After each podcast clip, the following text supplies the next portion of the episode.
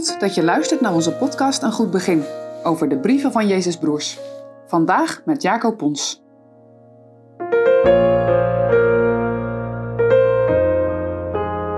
Vandaag lezen we Jacobus 4, vers 4 tot en met 7.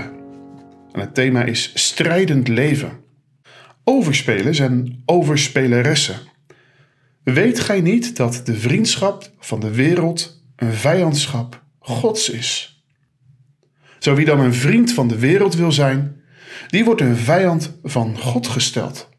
Of meent u dat de schrift te vergeefs zegt, de geest die in ons woont, heeft die lust tot nijdigheid? Ja, hij geeft meerdere genade. Daarom zegt de schrift, God wederstaat de hoogvaardige, maar de nederige geeft hij genade. Zo onderwerpt u dan goden. Wederstaat de duivel en hij zal van u vlieden. Ik moet zeggen dat ik de woorden van Jacobus behoorlijk confronterend vind. Gisteren wees hij al de rotte plek aan. De oorzaak van al dat geruzie in de gemeente is de hartstocht, de hebzucht van mensen. Maar de overgang naar vandaag lijkt nog veel groter.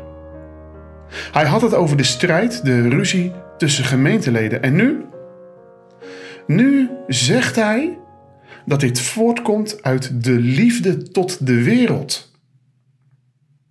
Als je de wereld lief hebt, krijg je ook het deel van de wereld. Maar wat bedoelt hij eigenlijk met de wereld? Jacobus schrijft aan de Joden, het volk waar de Heer een verbond mee gemaakt heeft. Joden wisten heel goed wat het betekende om onderdeel te zijn van Gods volk. Dan deed je niet mee aan allerlei feesten, aan misstappen, afgoderij. Nee, het was een levenshouding om God te dienen en Hem trouw te blijven. Leven als een heilig en afgezonderd volk. Voor Jacobus is de wereld dus de mensheid die tegenover God staat. En iedereen die tegen God ingaat, is een vijand van God. Wie kiest voor het genot van de wereld, kiest tegen God. En ja, daarmee ontstaat de vijandschap. Nee, Jacobus is niet de man van het compromis. Je leeft voor de een of voor de ander. Hij laat ook zien aan zijn lezers heel duidelijk hoe God denkt over een dergelijke houding. Het lijkt alsof dat hij daarin verwijst naar een gedeelte uit de Bijbel. Als hij zegt, of meent gij dat de schrift te vergeefs zegt? Het is wat lastig om te achterhalen welk Bijbelgedeelte Jacobus bedoelt. Maar wat hij wel heel duidelijk maakt is dat de Heere jaloers is op zijn eer. Maar wat is nu uiteindelijk de oplossing? Hoe word je van een vijand een vriend? Hoe ontvang je genade? Nou, dat ontvang je in de weg van nederigheid. God weerstaat, hij biedt weerstand aan de hoogmoedigen. Hij keert zich tegen hen. Maar juist aan nederigen geeft hij genade. Dat komt uit het boek Spreuken. In dat boek leer je wat wijsheid is. En wat is nu echte wijsheid? Nou, dat is nederig zijn. Totaal afhankelijk van God. Daar gaat het om. Buigen voor de Heer.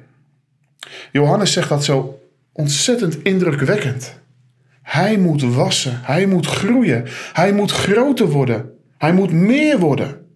Maar ik, ik moet minder worden, steeds kleiner. Er blijft uiteindelijk niks over van een mens. En dat is moeilijk. Want dat druist in tegen alles wat er in mijn hart leeft. En uiteindelijk komt dat omdat we op twee gedachten blijven hinken. Maar Jacobus zegt: stop ermee. Vlucht weg bij de duivel vandaan. Zorg dat het kwaad geen vat krijgt op je. Strijd tegen alles wat duister en donker is. Versla de duivel. Niet in eigen kracht, want dat zal nooit lukken.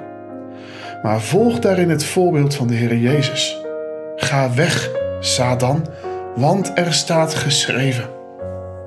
Met gevouwen handen, met vallen en opstaan, in afhankelijkheid en verlegen om de leiding van de Heilige Geest. O God, schep een rein hart in mij en vernieuw in mijn binnenste een vaste geest.